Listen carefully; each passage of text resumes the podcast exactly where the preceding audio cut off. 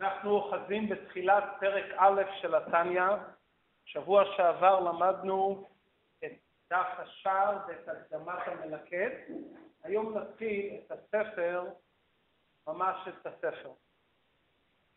פרק א', תניא, בסוף פרק ג' דנידה, משביעים אותו תהי צדיק ואל תהי רשע.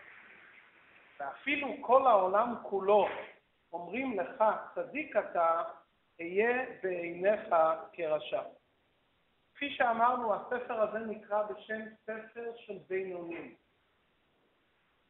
האדם צריך לשאוף להיות לפחות במדרגת הבינוני. ונראה בהמשך הדברים שזו הדרישה האינדיבידואלית לכל אדם באשר הוא, להיות במדרגת בינוני. מהי בדיוק מדרגת הבינוני? על זה נכתב ספר התניא. בעולם ישנה טעות רווחת, בדרך כלל קוראים לכל אדם צדיק, זה נכון, ועמך כולם צדיקים, ועלינו לדרוש מעצמנו להיות צדיקים במובן מסוים, אבל לאחר שנראה את ההקדמה אל השאלות שישנם בפרק א', נבין שהמושג צדיק ובינוני אין זה רק מושג כמותי, אלא יש כאן הבנה עמוקה יותר מי נקרא בשם צדיק ומי נקרא בשם בינוני ומי פחות מזה. כדי להבין את ההגדרה האמיתית של המדרגות הללו, המחבר מתחיל בשאלות, כדי שהשאלות יקדמו אותנו להבין לעומק יותר את ההבנה המהותית של המושגים הללו. הוא מתחיל עם דברי חז"ל, חז"ל אומרים שהנשמה, לפני שהיא יורדת לעולם, משביעים אותה תהי צדיק ואל תהי רשע. כלומר, לפני שהנשמה עוזבת את העולם העליון, מבואר בזוהר הקדוש, יש סדר של הכנה שמכינים את הנשמה לקראת בואה לעולם הזה. כן, התוועדות, כאין חיבור של נשמות שכבר היו בעולם הזה, והם מדברים, מספרים לנשמה, וגם הקדוש ברוך הוא והשכינה מסבירים לנשמה מה התפקיד שלה בעולם. מדוע זה כל כך חשוב? כי הנשמה בהיותה בעולם העליון, אין לה שום הבנה מה הולך להתרחש כאן בעולם הזה. כי המשל הידוע לדבר עם עיוור על צבעים זה דבר שהוא בלתי אפשרי. כשהנשמה נמצאת למעלה, יש לה השגה וידיעה בדבר אחד ויחיד, שהוא לבדו הוא ואין זולתו. היא משיגה, רואה, מרגישה, חשה את ההוויה האלוקית ואך ורק את ההוויה האלוקית. להסביר לה שיש מקום שבכלל רואים דברים אחרים לחלוטין, מרגישים דברים אחרים, חווים ביום-יום הוויה הפוכה לחלוטין. לכן צריכים לדבר עם הנשמה ולהשביע אותה, שתדע מה מחכה, מה מחכה לה כאן בעולם, לא רק להשביע, אלא גם להצביע אותה. כי המילה משביעין זה לא רק מלשון שבועה, אלא גם מלשון מצביעים אותה, מעניקים לה כוחות שתדע איך להתמודד כאן ולהיות בדרגת צדיק. וכופלים ואומרים לה, תהי צדיק ואל תהי רשע. כפל הדברים גם דורש ביור. כי מכלל הן אתה שומע לך. ברגע שאומרים תהי צדיק, מובן לא להיות רשע.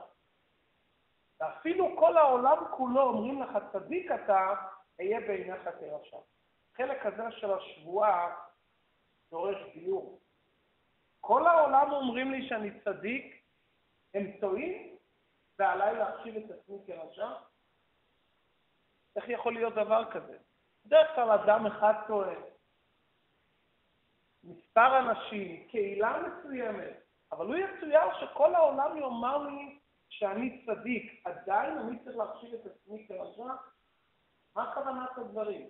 העולם טועה, או שלמרות שהעולם לא טועה, עליי להחשיב את עצמי כרשע? ובכלל, איזה יתרון יהיה לאדם להחשיב את עצמו כרשע?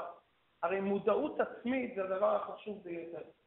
שכשם שאדם צריך לדעת את החסרונות שלו, את נקודות החולשה שלו, עליו לדעת את המעלות שלו.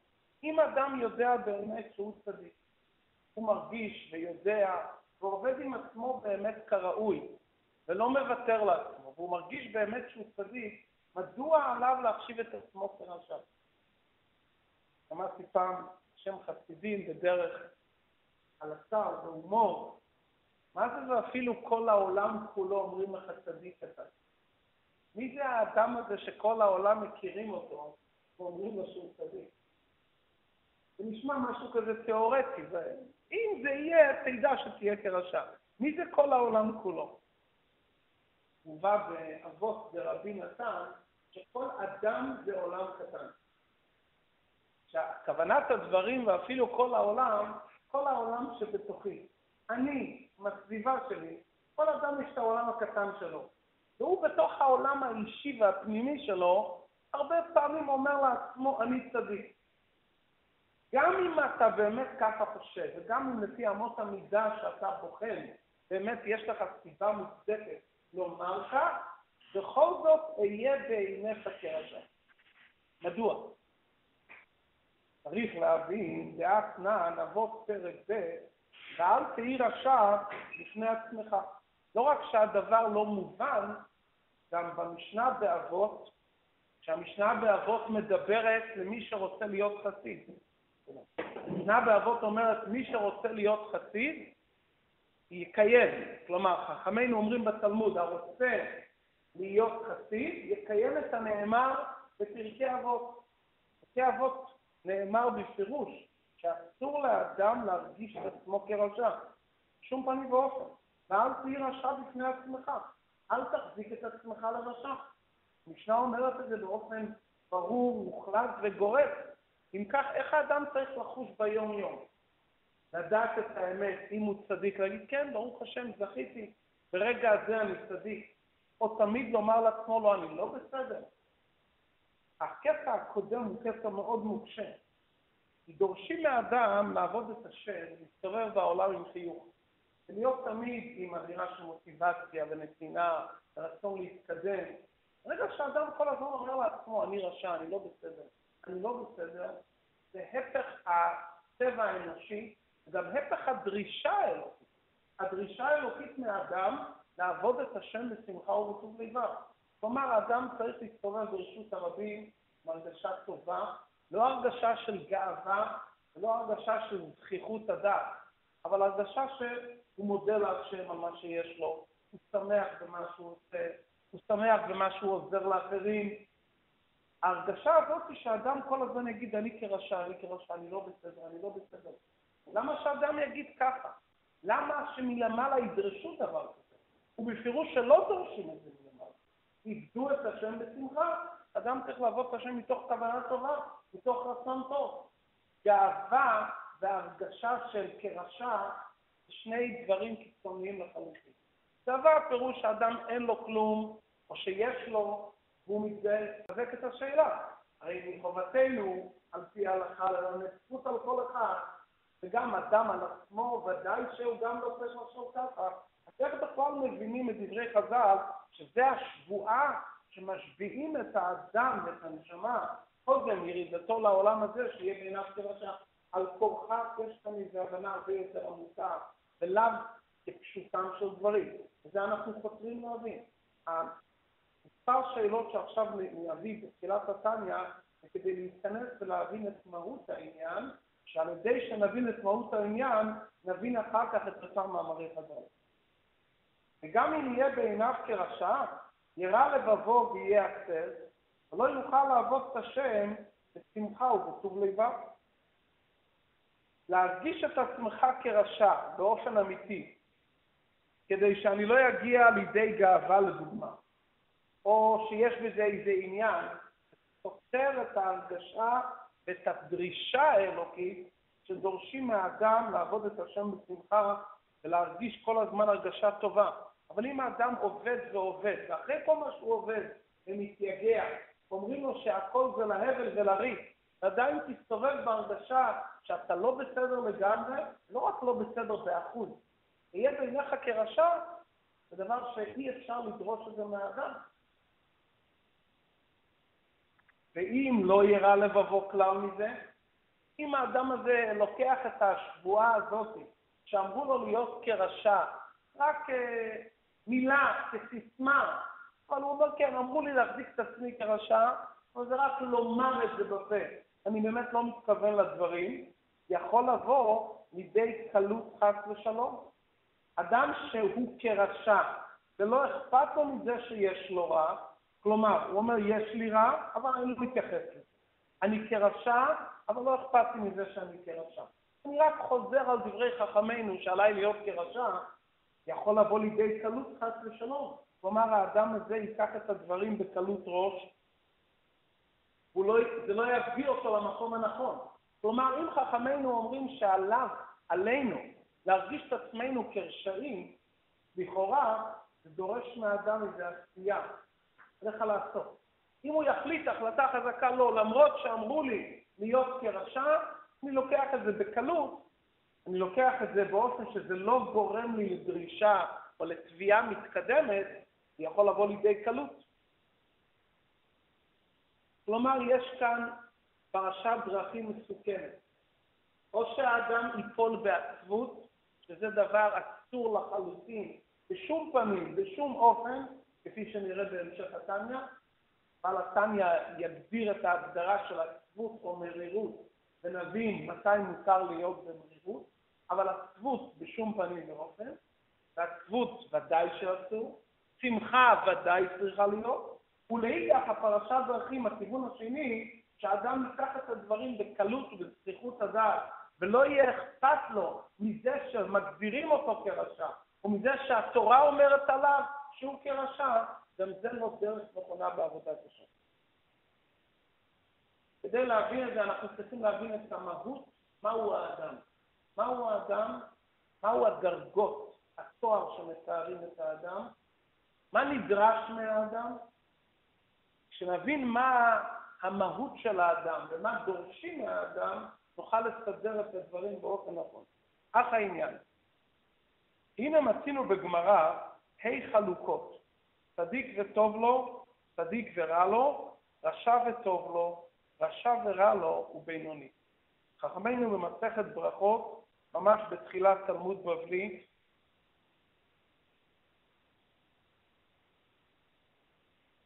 מבארים שבעם ישראל ישנם כמה סוגים, ובעצם זה גם בעולם הכללי.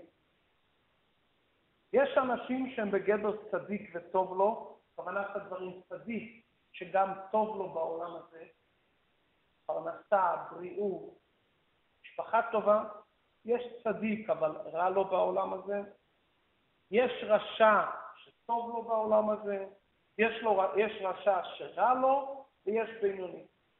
מבלי להיכנס כרגע לעומקם של דברים והשאלות הידועות, הייתכן צדיק שיהיה לו רע, והייתכן רשע שיהיה לו טוב, יש על זה הרבה בתלמוד ובכתבי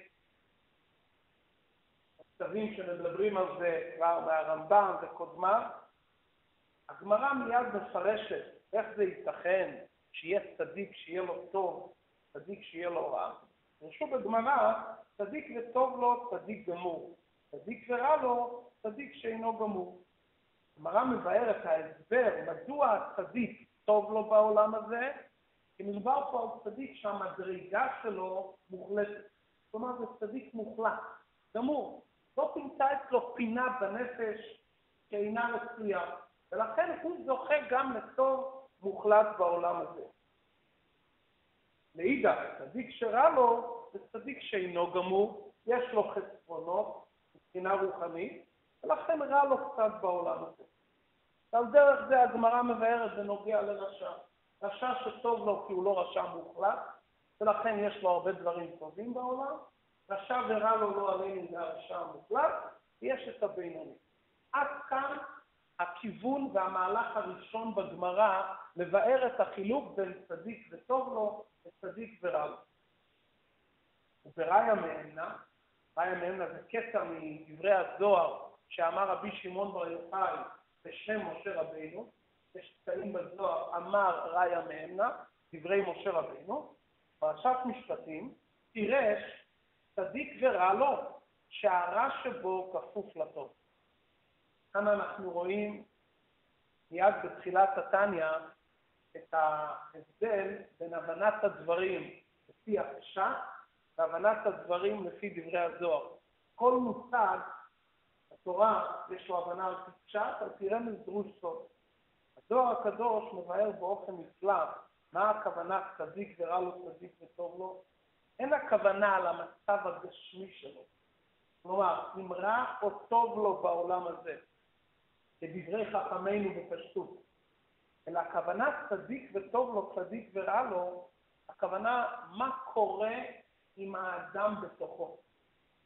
כלומר, לכל אחד מאיתנו יש נפש, שכל, רגש, מידות, תכונות. הצדיק ורע לו, יש לו עדיין חלק של רע. יש לו משיכה לרע, יש לו עדיין קשר לרע. אבל הרע שבו כפוף לגמרי לטוב. ומכיוון שיש לו עדיין רע בתוכו, אבל לאידך הרע כפוף לטוב, לכן הוא נקרא צדיק ורע לו. צדיק ששולט על הרע שבתוכו. יכול להיות שלכן יש לו גם רע בעולם, כי נלמד בהמשך התניא שהחלק הגשמי של האדם משתלשל מהמצב הרוחני שלו. ומכיוון שעדיין בתוכו נשאר לו איזו משיכה לבגדים הצועים, כלומר להנהגה הטבעית של עולם הזה בצד השלילי, בתוך תוכו, לכן עדיין גם בעולם הזה הגשמי הוא נפגש עדיין עם עניין של רע. כלומר, הזוהר הקדוש אומר, מה שאתה רואה בחוץ, מה שקורה אצלך בבית, זה כתוצאה מהמצב הנפשי בתוכך. אם בתוכך יש עדיין איזה רע, קטן, והרע זה כפוף לטוב, אתה עדיין כשתסתובב בעולם תמצא רע, וגם בתוך החיים האישיים שלך תיפגש עדיין עם דברים רעים. במינון מאוד קטן, באופן מאוד מזערי, כי אתה בכלל, אתה שולט על הרע שלך, והרע שלך כפוף לטוב. במילים אחרות, מראים לאדם בחוץ, בבית, בחוץ, בסביבה, בקשר שלו עם העולם החיצוני ובקשר שלו עם הסביבה, מראים לו מה קורה במהות הפנימית שלו. ברגע שאדם מרגיש שטוב לו ונעים לו, וגם הסביבה כולה טוב, את הכל באופן חיובי, כולם מחבקים ותומכים, סימן שגם במקום הפנימי שבתוכו הוא נמצא במקום נקי וזך. כי הסביבה זה ראי מה שקורה לאדם בתוך תוכו. זה שרע לו, מכיוון שמשהו עדיין אצלו לא מושלם. צדיק וטוב לו, מכיוון שאין לו רע לחלוטין. ניצה וניקה הוא כל הזמן שומר על עצמו לפגוש רק את החלק הטוב שבתוכו, הוא מצליח כל הזמן לנקות, לזכך ולברר, זו עבודה לא פשוטה. כל אחד מאיתנו, כפי שנראה בהמשך התניא, יש לו נפש פעמית, הרגלים פעמיים טבעיים שהעולם הזה מקנה לנו מרגע שבאנו לעולם, יש לנו גם הרגלים רוחניים שנקנים במשך הזמן תוך כדי מודעות לנשמה האלוקית הנמצאת בתוכנו, ואז האדם לאט לאט קונה עוד הרגל ועוד עניין אלוקי, רוחני, שעם זה הוא עובד את השם. כיוון שהצדיק הזה כל הזמן שומר על עצמו וכולי, ואין לו לגמרי רע בתוכו, לכן הוא נקרא צדיק וטוב לו. הוא ביטל את החלק הרע שבתוכו, שנשאר לו רק טוב. זו הבנה הרבה יותר עמוקה במובן של צדיק וטוב לו, צדיק ורע לו לפי פירוש הזוהר. על כל פנים אנחנו רואים מכך שיכול להיות צדיק ורע לו, שיש לו עדיין קצת רע בפנים, הוא נקרא צדיק. ובגמרא, סוף פרק ט' ברכות, צדיקים יצר טוב שופטן, רשעים יצר הרע שופטן, בינונים זה וזה שופטן. כשהגמרא מגדירה את חילוקי המדרגות, הגמרא אומרת מי זה צדיק? מי שהשופט שלו, השיפוט שלו, המחשבות שלו, הוא שופט את המעשים לפי היצר הטוב. הרשע, מי מדבר? מי זה שנותן לו את השיפוט, את המשפט, איך לחשוב, איך להתקדם היצר הרע. והבינונים, פעם כך ופעם כך. אמר רבא, כגון ענה בינוני. אמרנו אביי, לא שביק מר חיה לכל בריה. רבא, ששמע את הדיון, את ההסבר, שהצדיקים היצר טוב שופטן, רשעים הפוך ובינוני, זה וזה שופטן, העיד רבא על עצמו שהוא אמר שהוא בינוני. רבא, כפי שנראה בהמשך התניא בתלמוד, סופר על רבא דברים נפלאים. אביי ששמע את הדברים, היה חברו, תלמידו, אמר לו, רבא, אם אתה אומר שאתה בניוני, שאתה נחשב מצדיקי הדור, מגדולי הדור, דמות מאורצת בכל, בפי כל, בפי כל, ואתה קורא לעצמך בינוני, אנחנו בוודאי פחות ממך. אז אם אתה יכול להגיע רק לדרגת בינוני, לא השארת לנו חיים. כלומר, אנחנו כולנו נהיה בדרגה הרבה פחות ממך. האם זה אפשרי? כלומר, מה רבא התכוון בדבריו? עוד פעם, אנחנו רוצים לחזור ולהבין פה מהי בדיוק ההגדרה של הבינוני. כי ההגדרה של הבינוני היא הגדרה טובה מאוד. זו הגדרה שלהגיע אליה אפשרי. מכיוון שהמהות של בינוני וצדיק, כפי שנראה בהמשך התניא, נאמר את זה כרגע בהקדמה לפני שניכנס לתוכן הדברים, האם עבודת השם זה כמות או איכות? איך מודדים את האדם? איך האדם מודד את עצמו?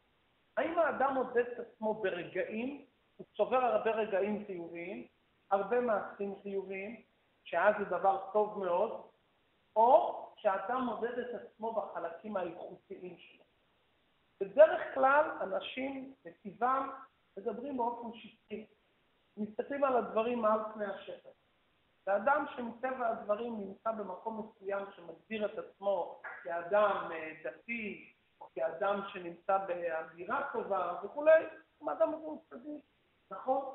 מותר לומר ככה וצריך לומר ככה, כי עלינו ללמד זכות על כל אחד, ואני צריך לומר על השני את כל המילים הטובות ביותר. אבל מה אני בעצמי צריך לחשוב על עצמי?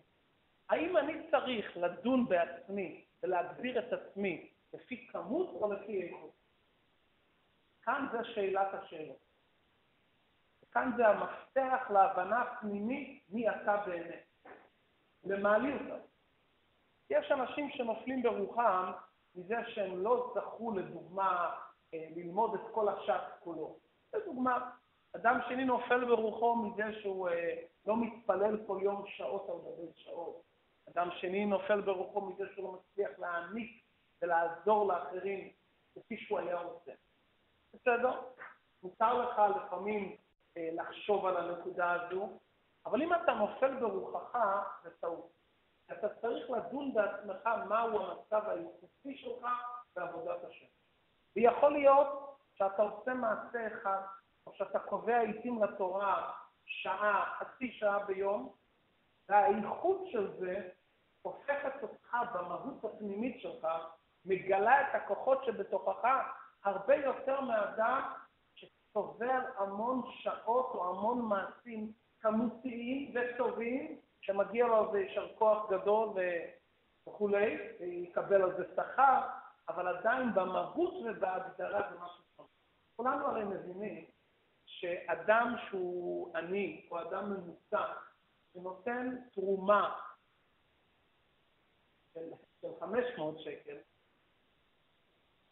האדם הזה חי באופן שהוא צריך כל הזמן למדוד את ההכנסות ואת ההוצאות שלו. הוא נותן משהו בלי לחשוב, סכום שקצת יותר מהיכולות שלו הרגילות, הוא משתדל בזה, המעשה הזה שווה הרבה יותר ממיליון דולר שנותן אדם שעם המיליון ובלי המיליון החיים שלו אותו דבר, ואין לו שום טרדות עם המיליון או בלי המיליון.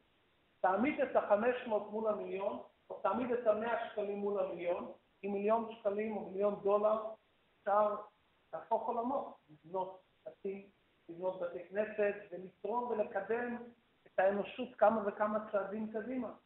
עם המאה שקל שנתן פלוני, אפשר לעשות מזה כמה דברים קטנים. זה עוד פעם הסתכלות חיצונית, מה שהעולם החיצוני צריך.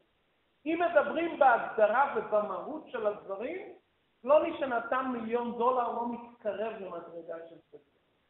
כי עם האפס או בלי האפס, הוא רגוע לחלוטין, לא זז אצלו כלום. שום דבר, זה לא מפריע לו לחלוטין, למרות שהוא נתן מיליון דולר.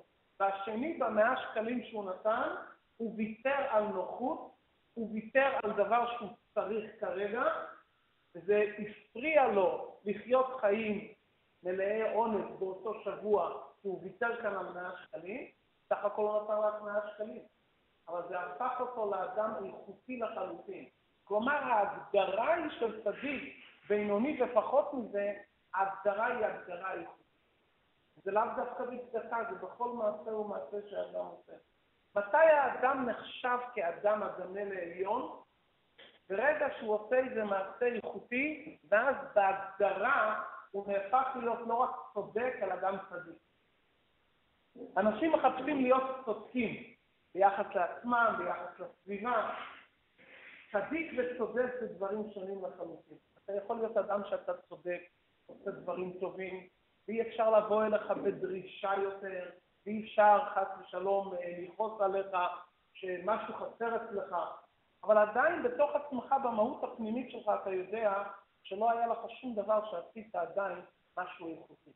וההגדרות הן הגדרות מהותיות של המובן צדיק בינוני ורשע. זה ייתן לנו איזה פתח להבין מה רבא הרגיש שהוא אמר ענה בינוני.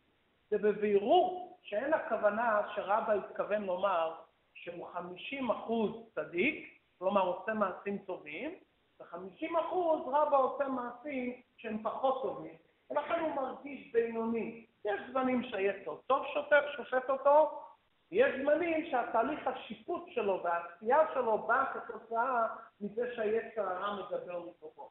בוודאי שלא. כפי שנראה בהמשך, הסיפור שהגמרא מספרת, שבשעה שמלאך המוות היה צריך לקחת את נשמתו של רבא, הוא לא יכל לנגוע בו. כי רבא היה בכזה דבקות בהשם, שמלאך המוות חיפש כל מיני תחפושים להסיח את דעתו כדי שיוכל לנגוע בו. כלומר, הוא היה אדם בדרגה גבוהה ביותר. ובכל זאת הוא קרא לעצמו בינוני, על כורכך שיש פה איזו הבנה אחרת. לפעמים כששומעים את הדברים, אומרים, אולי רבא התכוון לומר את הדברים בדרך ענווה. מותר לאדם להיות ענווה. האדם אומר לעצמו נראה בינוני. יש ענווה ויש שפלות של שקר. ענווה זה דבר טוב מאוד. שפלות של שקר זה עבירה. מה ההבדל בין ענווה לשפלות של שקר? ענווה הכוונה לומר כך, אני יודע את המצב הרוחני שלי, אני מכיר את המהות שלי, אני יודע מה אני עושה, אני לא טועה. לא טועה לא לכאן ולא לכאן. או שאני מכיר את עצמי טוב, או שאני מדבר עם אחרים שמכירים אותי, שהם מעמידים אותי במקום, אבל אני יודע מה שקורה איתי.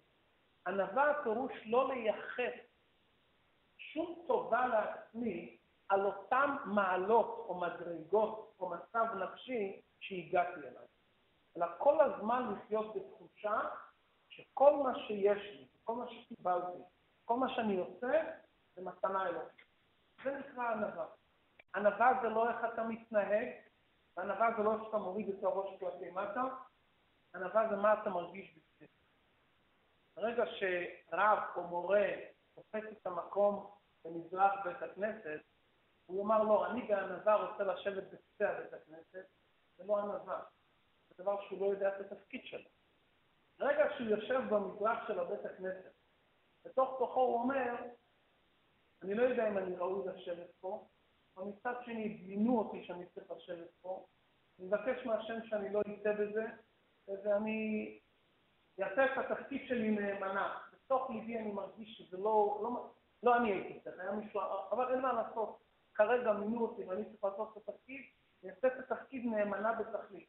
הוא מרגיש בתוך ליבו את הענווה. כלפי חוץ הוא עושה את התפקיד שלו.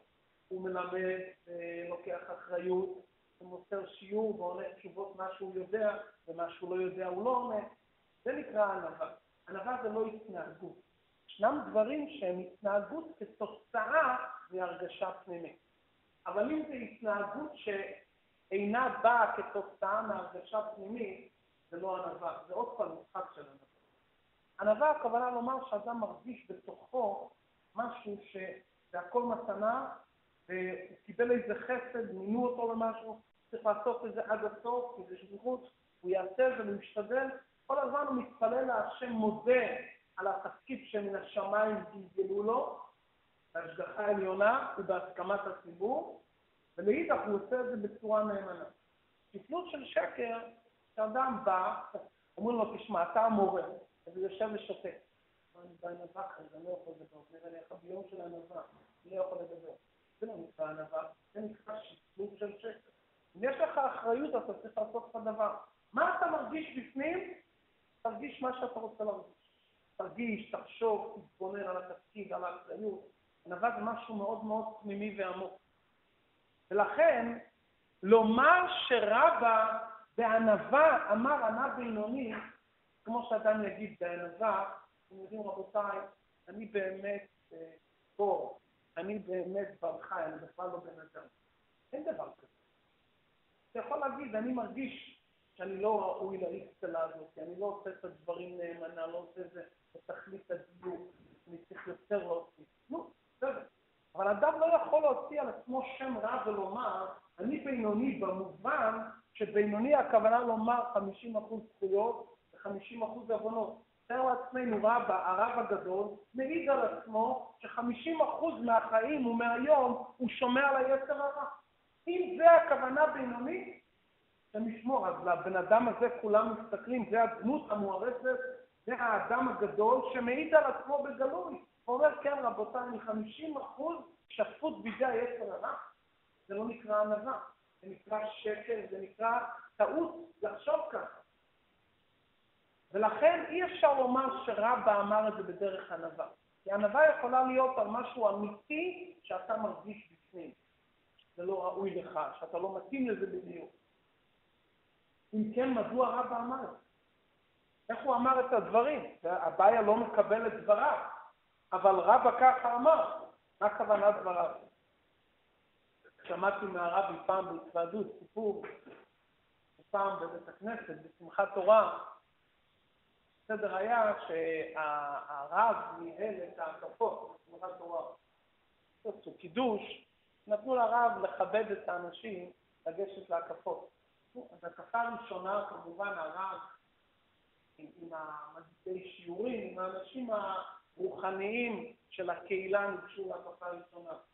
בהקפה השנייה הרב אמר, המורים, המחנכים, הקפה השלישית, השוחטים, וכן הלאה. אחר כך ככה הוא חילק את זה לכל תומכי הצדקה וכולי.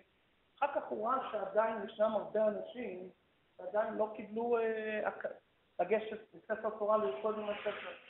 אז הרב הכריז ואמר, ההקפה הזו, אני מבקש מכל הענבים, כל מי שיש בו מידת ענווה, שיגש לרקוד עם הספר תורה. ולא נשאר אחד ליד הספרים, כולם הלכו. הרבי סיפר את זה בהומור, כלומר, שבאמת כל אחד הרגיש, אני לא בדיוק רב, ואני לא בדיוק המורה המחנך המותי, ואני לא זה, שמעו את הענווה, מכיוון שבכל פעם שקראו הוא הסביר לעצמו שהוא לא זה, אבל ענווה הוא כן. כבר מנעו את הרבנים, את השוחטים, את הבעלי בקים, את הבעלי העסקים, וכל פעם הוא אמר, אני לא בדיוק זה ולא בדיוק זה. אבל כשאמרו לו שהוא ענה, הוא הרגיש כן, זה אני ענה. לא ראיה, חמש-שש הקפות הוא לא ניגש, כל פעם הוא הסביר. כמובן שזה לא נקרא לגמרי עניין של ענווה. ענווה זה משהו פנימי שאתה חי בתוך עצמך, בהרגשה פנימית ואמיתית של תודעה והודיה. ולהבין כל זה בהר היטב. אז אם כן, צריכים להבין את הדברים. וגם להבין מה שאמר איוב, ריבונו של עולם, ברת הצדיקים, ברת הרשעים, והצדיק ורשע לא כאמר. גמרא במסכת בבא בתרא יש שם סוגיה שלמה על איוב. מי היה איוב? באיזה תקופה חי איוב? האם הוא היה? האם דברי איוב זה רק משל ודיון פילוסופי בינו לבין קונו? דיון שלם, עמוד שלם שהגמרא דנה באיוב. בין הדברים שהגמרא מספרת, שאיוב אמר לקדוש ברוך הוא טענה מאוד חזקה. כלומר, ריבונו של עולם, איך אתה יכול להעניש את האנשים? הרי בראת האנשים שבטבעם הם אוהבים לעשות צדק. אנשים נחמדים, טובים, נולדו אצל הורים טובים, נולדו במזק נעים, אנשים מדהימים, מהטבע הם לא נמשכים לעשות דברים שליליים, הם קיבלו כוחות. אדם שקט, מצונן בטבעו, נחמד ונעים. לאידך, בראת האנשים שמטבע לידתם יש להם הפרעות, רואים, מהגן כבר יש הפרעות. אתה רואה שהם מסתכלים, הולכים, מושכים, נוגעים בכל דבר. יש כאלו אנשים שנולדו ככה. אחר כך אתה בא ואתה אומר, צריכים לעשות ככה, צריכים לעשות ככה. איך אתה יכול לדרוש מאנשים כאלו דברים? יכלת לברוא את אותם אנשים שלא יהיו חוטאים. אתה בראת את האדם הזה עם צבע כזה שהוא רשע, אתה לא יכול לעכב אותו שהוא לא יעשה את זה. יש לו את זה בטבע, ביצירה שלו. ולאידך ישנם אנשים שהם צדיקים. עד כאן מה שאיוב אמר להשם בדיון הפילוסופי.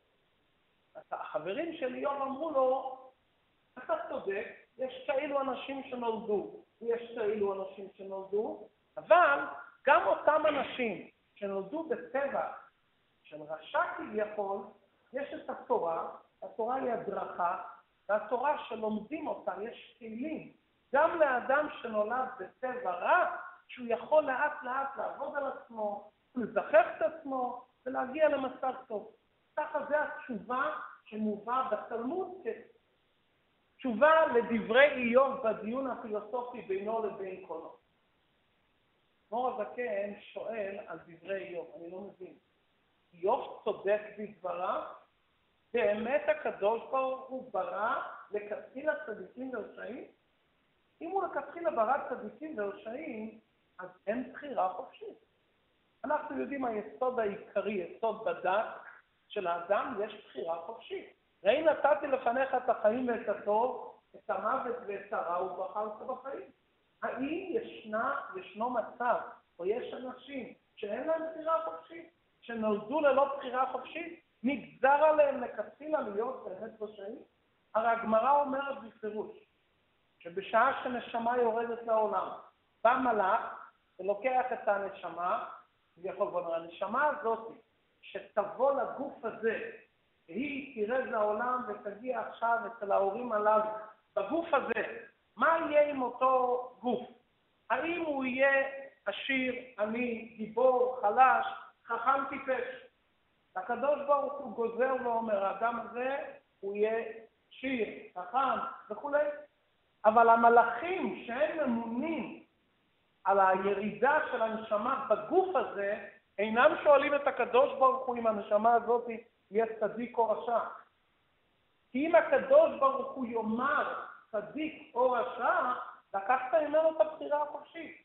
ולכן זה לא שואלים, ובוודאי שהקדוש ברוך הוא לא אומר בפה אם פלוני יהיה צדיק או רשע. לא ניכנס כרגע לעניין אם השם יודע הוא יהיה, מה הוא יהיה, זה לא נוגע כרגע הידיעה. אבל אין מלמעלה אמירה מוחלטת, כן, המלאך, תקווה שהוא יהיה צדיק. יש אמירה מוחלטת, תקווה שהוא יהיה חכם. זה כן, תן לו כישור, כישורים, כישרונות, שיהיה גיבור, זה כן. אז אם כך, איך איוב בכלל דיבר דברים כאלו, והתלמוד והתלמידים לא מיד, מיד מסירים את, את השאלה של איוב, אומרים לו, איוב, מה אתה מדבר? מה פתאום? אין צדיק ורשע מולה. בפירוש, כל אחד יש לו בחירה חופשית. מה הדבור הזה כן רוצה לחתור מכך? שימו לב. נגיד רק את ההקדמה, התשובה לשאלה הזאת תהיה עמוק בתניא. איוב אומר לקדוש ברוך הוא, יש לאדם בחירה חופשית מלאה ומוחלטת. אבל השדה, הבחירה של האדם, שונה מאדם לחברו. יש אנשים שהמרחב של הבחירה שלהם, וזה לכולם, מרחב על המחשבה, דיבור ומעשה. לזה יש לכולם מרחב של בחירה חופשית. מה לחשוב, מה לדבר, ובעיקר מה לעשות, יש לכל אחד. יש איזה עוד חלק עמוק בנפש, שזה למה אני נמשך. מה המשיכה? למה אני נמשך בפנים? אנחנו נראה בהמשך התניא שיש אנשים שנמשכים לדברים מסוימים, בטבע יש להם משיכה לרמה רוחנית גבוהה מאוד, כי הם קיבלו כוחות לגלות, הם קיבלו איזה יהלום גבוה שבכוחו יימשך בחלק הפנימי במקום מאוד מאוד עדין, יש כאלו שנמשכים יותר לדברים אחרים. אבל הבחירה חופשית מלאה אצל כולם, מה לדבר, מה לעשות ומה לחשוב, על זה יש בחירה חופשית מוחלטת. בסגנון אחר, כמו שהרמב"ם כותב במורה נבוכים, ובעיקר בשמונה פרקים לרמב"ם. הרמב"ם כותב שכל אדם יש לו איזה צבע שהוא נולד בזה. הרי חכמינו אומרים, מי שנולד ביום שלישי, יהיה לו צבע כזה, ברביעי. ישנן מזלות שקשורות עם היום, עם החודש ועם השעה בה האדם נולד. אבל איך שלא יהיה, בכל יום ובכל מזל שנולדת, וגם אם נולדת בצבע מסוים, שבצבע יש לך משיכה לדברים מסוימים, תמיד על ידי לימוד וחשיבה אתה יכול להתגבר ולנווט את הכל למקום הנכון. יכול להיות שיהיה לך יותר קשה, ותצטרך יותר להתאמץ ויותר להתאמץ. בדברים אחרים יהיה לך הרבה יותר קל. ואידך לאדם השני, בדברים הללו יהיה קל, ודברים אחרים יהיה יותר קשה. אבל אין, אין מצב כזה שגם אם אדם נולד בצבע מסוים, כלומר, הוא נולד עם איזה מזג מסוים, מצד ההורים, מצד הסביבה, מצד הזמן שהוא נולד בשנה, עדיין אותו אדם יכול בכל רגע לעשות את ההחלטה הנכונה באמצעות לימוד והתבוננות בהחלטת הכיתה. כלומר, לעולם לא לוקחים מהאדם את הבחירה ונוגע מה שעליו לעשות. השאלה כמה הוא צריך להתפרנס. מהי בדיוק כוונת איוב ברק הצדיקים, ברק הרשעים? האם יש בזה צדק? לברוא אנשים שימשכו לכתחילה לדברים יותר רוחניים.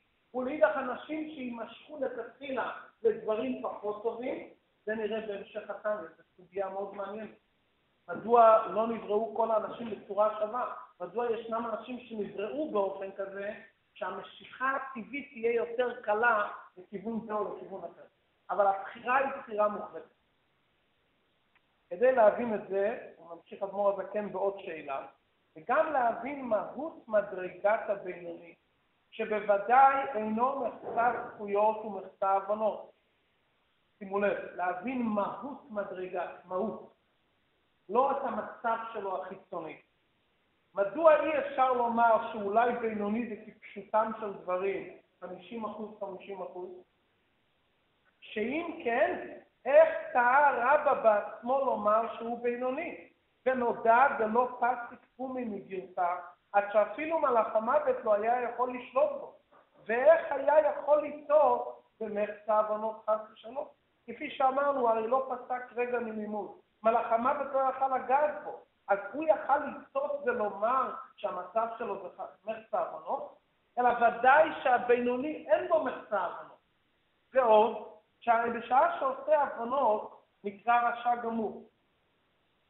אי אפשר לומר שבינוני זה מחצה על מחצה, כי האדם נידון בכל רגע. רגע שאדם כרגע עושה מעשה טוב וחיובי, באותו רגע הוא נכנס כרגע למשפחה של הצדיקים.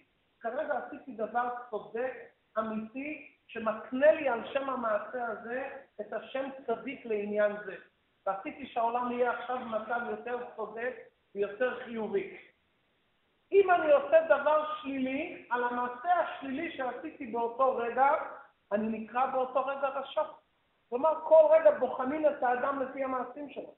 אם אחר כך עשה תשובה, נקרא צדיק גמור. ברגע שאדם עשה את המעשה החמור ביותר. אם הוא עשה תשובה אמיתית, כפי שנראה בהמשך התניא, חרטה ועזיבת הפה, ברגע אחד הוא נהפך לצדיק גמור. הרבי היה חוזר על זה מאות פעמים, על דברי חכמינו במסכת קידושין, מהי כוחה של תשובה. הגמרא אומרת במסכת קידושין, אם אדם מקדש את האישה על מנת שהוא עשיר, על מנת שהוא גיבור, חכמינו נותנים מודל מה זה נקרא עשיר, מה זה נקרא גיבור, כדי שהתנאי לקידושין יחול. אם אדם קידש אישה על מנת שאני צדיק גמור, אנחנו מכירים שהאדם הזה הפוך מזה לחלוטין. הגמרא אומרת שהיא מקודשת מספק. מדוע? שמא היה לו הרהור תשובה באותו רגע, ואם היה לו רגע אחד של הרהור תשובה אמיתי, באותו רגע הוא נהפך לצדיק גמור. והקידושין חלים, והמשפחה שלו משפחה כשרה לחלוטין. כלומר, אם הייתי יכול לעשות לו MRI ולראות אם היה לו באותו רגע חרטה, רגע אחד, למרות שרגע שלפני זה היה במצב אחר, הקידושים גמורים לחלוטין. כלומר שהכוח של תשובה, הקדוש ברוך אומר, אני מקבל את האדם תוך רגע. כי העולם הזה זה עולם של שינויים. העולם הזה כל כולו בנוי משינויים. הקדוש ברוך אומר, רגע אחד ככה אתה יכול להשתנות לגמרי לכיוון השני. זאת אומרת שהמושג צדיק ורשע זה לפי מעשה של האדם שנתון באותו רגע. ואפילו העובר על איסור קל של דברי סופרים, מקרה רשע כדאית בפרק ב' ביבמות, או יותר כמה בנידה, ואפילו מי שיש בידו למחות ולא ניחא נקרא רשע. כלומר, אם אנחנו נתחיל להגדיר מה זה רשע, מעשה מסוים שיכלתי למחות באחרים שלא עשו, כבר קוראים לי בשם רשע, למה לא מנעת את זה, למה לא הבאת את זה עליך ברבים? כלומר שאנחנו רואים מכאן שמעשים מסוימים מגדירים את האדם ברגע מסוים צדיק, ברגע מסוים הוא יכול להיות רשע. וכל שכן וקל וחומר, ומבטל איזו מצווה תעשה שאפשר לו לקיימה, כמו כל שאפשר לו לעסוק בתורה ואינו, שעליו דרשו רז"ל, דבר השם בזה יקרא תיקרא, ופשיטא במקרה רשע תפל ועובר איסור דרבנן. בטח אם אדם יכל לקיים איזה מצווה ולא קיים, אם הוא יכל ללמוד תורה וביטל את זמנו, או יכל לעשות מעשה חיובי ולא עשה, אז באותו רגע הוא נקרא רשע. כלומר, אנחנו פתאום מבינים שהמושגים משתנים לחלוטין. יש פה איזה מעשה מסוים שמקנה לך שם כזה או אחר. מה כוונת בעל התניא? חס ושלום לדכדך את האדם ולומר לו, אם עשית מעשה אחד, אתה נקרא בשם רשע. הכוונה בדיוק הפוך. הכוונה לומר לאדם, כשם שמעשה אחד מקנה לך לפי שעה את השם הזה שהוא הפך הצדיק, ככה הפוך. כל רגע ורגע שאתה עושה את המעשה הנכון והאיכותי, תוך רגע אחד אתה הופך מההפך הגמור לטוב הזה. זאת אומרת, אתה צריך לדון את עצמך ברגע העכשווי, ולצבור עוד רגע ועוד רגע ועוד רגע. ואתה תמיד יכול להיות במצב כזה, אתה יכול להפוך לצדיק. אם השם צדיק, לפי פשוטם של דברים, ולפי המעשה הרגעי שאתה עושה, באותו רגע שעשית מעשה חיובי אתה נקרא צדיק. במהות שלך, אנחנו נראה בהמשך התניא, לפי המהות, מה המהות של האדם. על כל פנים, בינוני כל אחד יכול להיות, כפי שנראה בהמשך התניא, כל אחד מאיתנו יש לו את הכוחות להיות בינוני כמו רבא, מידת הבינוני היא מידת כל אדם, ואחריה כל אדם נשאר.